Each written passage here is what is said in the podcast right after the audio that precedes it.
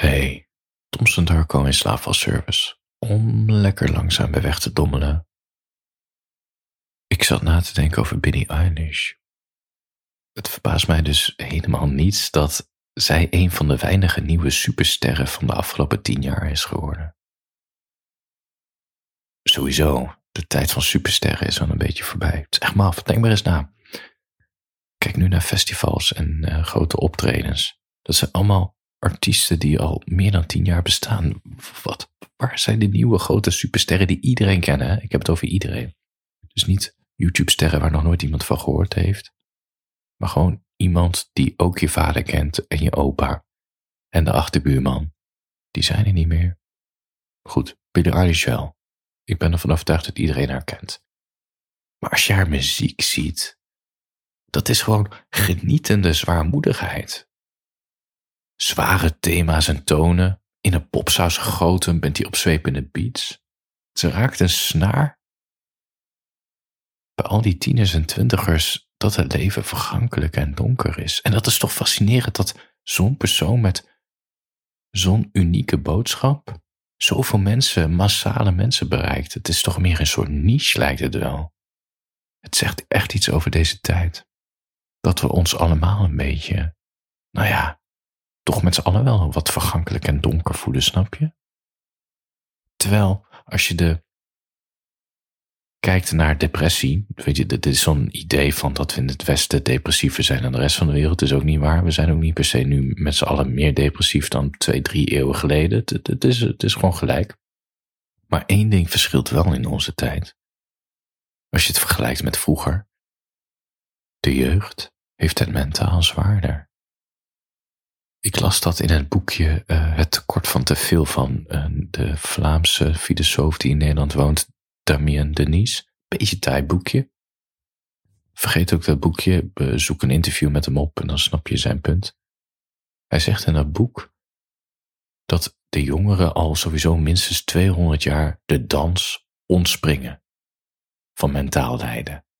Want mentale problemen komen vaak pas halverwege de twintiger jaren opzetten bij mensen. Blijkbaar als we gaan werken, verantwoordelijkheid krijgen. Uh, ja, opeens gaan we dan nadenken over vroeger of komen de trouwens aan naar boven. Opeens storten we mentaal in. En dat was een logische verklaring, want in je als kind en als jongere, gewoon als tiener, heb je in verhouding de meeste vrijheid en de minste verantwoordelijkheid van iedereen op aarde.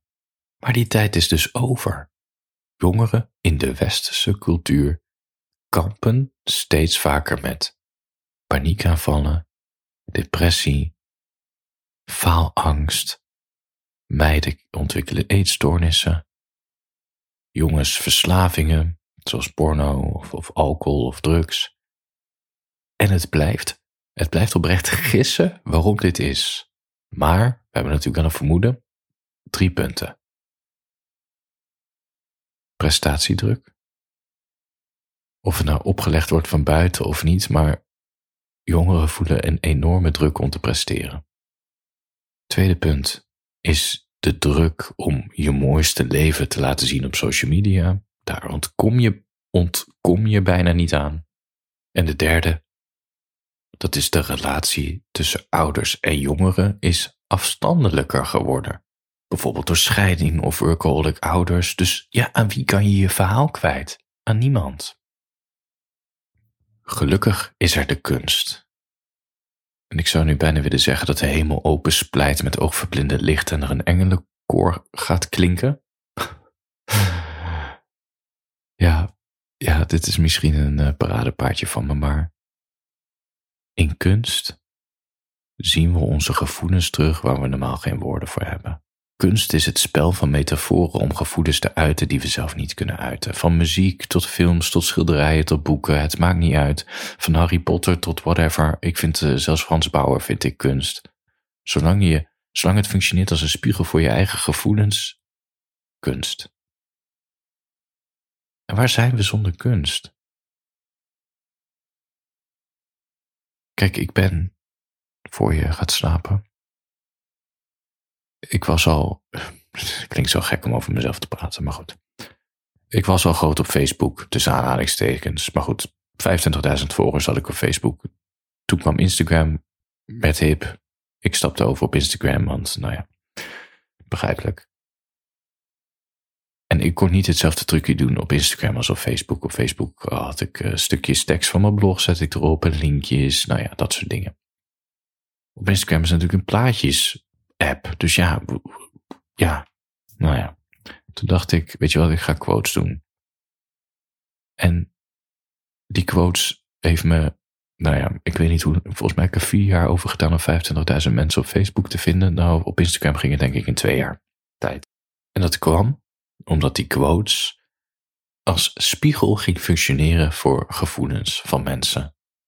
En de meest gehoorde reactie in mijn inbox was: Het lijkt wel alsof je over mijn leven schrijft. En dat is echt minder spectaculair dan het lijkt, want je ziet jezelf altijd terug in de kunst. Het is als een spiegel. Natuurlijk niet bij elk kunstwerk, maar als de juiste kunstwerken je opvallen, lijkt het over jou te gaan. Want je, begint je, je gaat je relaten, je worstelt ergens mee en je ziet in een kunstwerk wat symboliek is jezelf terug. En opeens begrijp je jezelf op een andere manier. Je kan alleen die vlek op je wang zien als je in de spiegel kijkt, snap je? Je kan alleen je verwarrende gevoelens zien als je iets leest wat je denkt, wow, dit gaat over mij en wow, dit is zo, zo voel ik me zo inderdaad, snap je?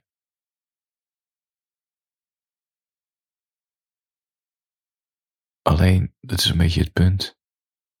Ik ik, ik zag Instagram als een manier om mensen naar mijn blog te krijgen, naar mijn langere teksten. Die borderline-achtige quotes, ja, dat is niet de main, het is niet het hoofdmenu van mijn, wat ik maak, snap je? Als je mijn werk echt beter wil doorgronden en begrijpen, ja, dan moet je eigenlijk mijn, of, of op mijn blog gaan lezen of mijn, boeken kopen.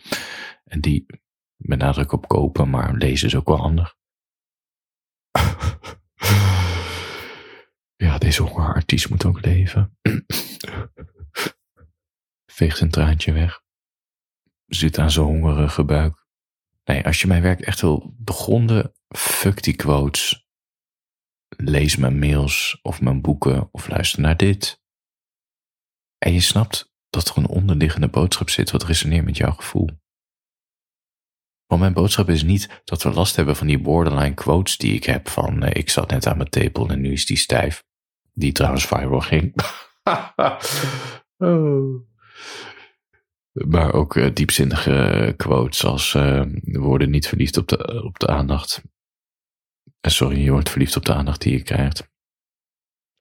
Nou ja, je kent ze wel. Ik kan ze niet eens oplepelen, maar je kent ze wel. Maar er zit een onderliggende boodschap.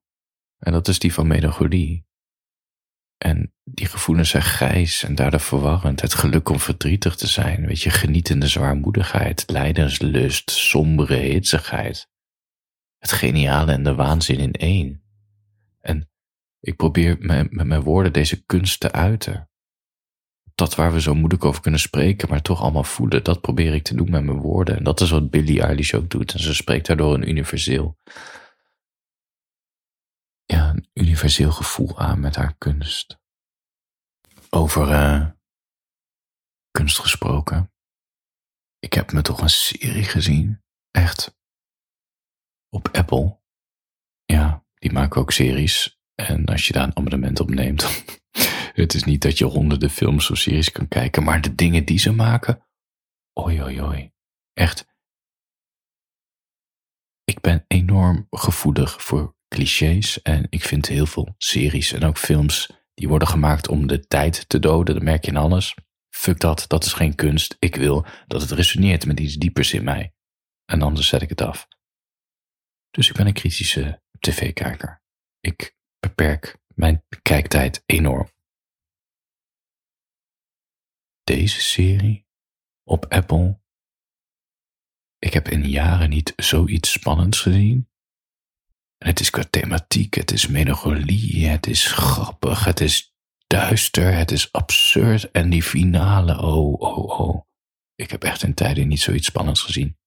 Als je weten welke serie dit is, petjeaf.com slash Darko. Abonneer je, luister naar deel 2 van uh, dit spraakbericht. Dan zal ik eens eventjes een uh, Thompson Darko recensie geven. Uh, wat die serie zegt over mij.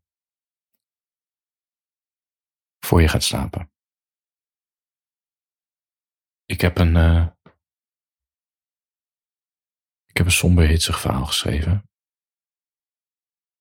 Ik heb het alleen niet uitgewerkt, maar wel zitten schrijven met pen in mijn uh, notitieboekje. En ik dacht, weet je wat, misschien moet ik het gewoon voorlezen. Dus ik hoop dat je dit experiment uh, aangaat met mij. Het is een somber hitsig verhaal, met de nadruk op somber en ook met de nadruk op hitsig. in bold geschreven. De titel van het verhaal is Slaapmutsje. Um, ik ga het gewoon voorlezen, voor je gaat slapen. Hij kwam vaak binnengeslopen als mijn ogen al dicht waren gevallen, om geruisloos zijn kleren uit te trekken en onder mijn deken te duiken. Een geur van vaak bewegen vulde mijn kamer. Zo'n stroeve, vettige laag over zijn huid als mijn handen over zijn rug gleden. Hij noemde mij zijn grootste geheim. Zoenen deden we niet eens meer. Zijn hand gleed meteen mijn onderbroek in. Zijn lippen op mijn schouders. Een zoen in mijn nek. Geheig in mijn oor. Hij had de sleutel van de voordeur. Ook al was het streng verboden die te delen met niet-huisgenoten. In zekere zin was hij ook mijn geheim. Zijn stijve, gedrukt tegen mijn bovenbeen aan, zijn hongerige mond, zoekend naar mijn tepel. Zijn vingers voedend of het al vloeiend genoeg was daaronder. Om vervolgens op me te gaan liggen, zodat ik hem bij zijn billen kon grijpen. Het liefste wat ik wou was dat hij bleef. Een onderwerp die hem liet brommen en zuchten. Vroeger draaide hij me nog wel eens om en ging achter me zitten.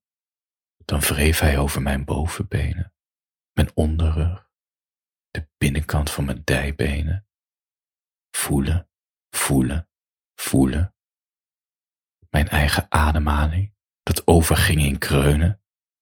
Zijn ademhaling, dat overging in kreunen dat briesje bij mijn benen.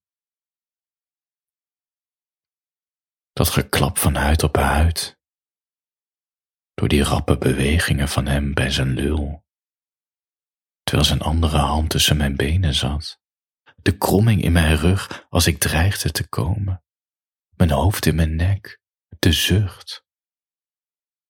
En dan stopte hij het in me. En was het als een eenwording in extase. Het was niet beestachtig. Het was alsof onze zielen in elkaar vervlochten raakten via onze lijven. Alleen het was al lang geleden dat hij me op deze manier omdraaide. Hij kwam het liefst in me, om gedoe met handdoekjes en lampjes en klevende huid aan het dekbed te voorkomen. Hij vertrok het liefst meteen uit bed om niet in slaap te vallen. Maar om appjes van mij te voorkomen, bleef hij toch nog even. Lang knuffelen deden we ook niet meer. Dan ging hij op de rand van het bed zitten, heel lang, tot ik zei, wat is? En dan zei hij, oh, gewoon, moe van de dag.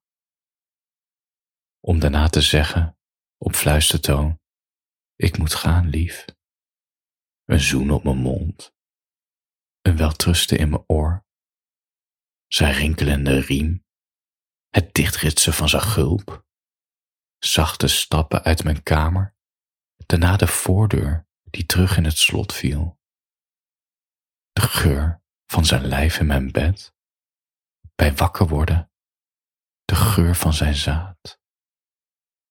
En de steeds maar sterker wordende gedachte als ik zou stoppen met de pil, zou hij dan wel blijven?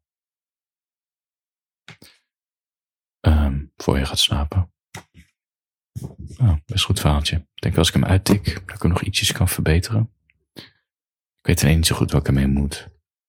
Hij zou in mijn sombere hitsigheid universum geklikt moeten worden, maar ik weet nog niet zo goed welk personage ik er nu over heb. Dus ik laat het nog even rijpen in mijn hoofd.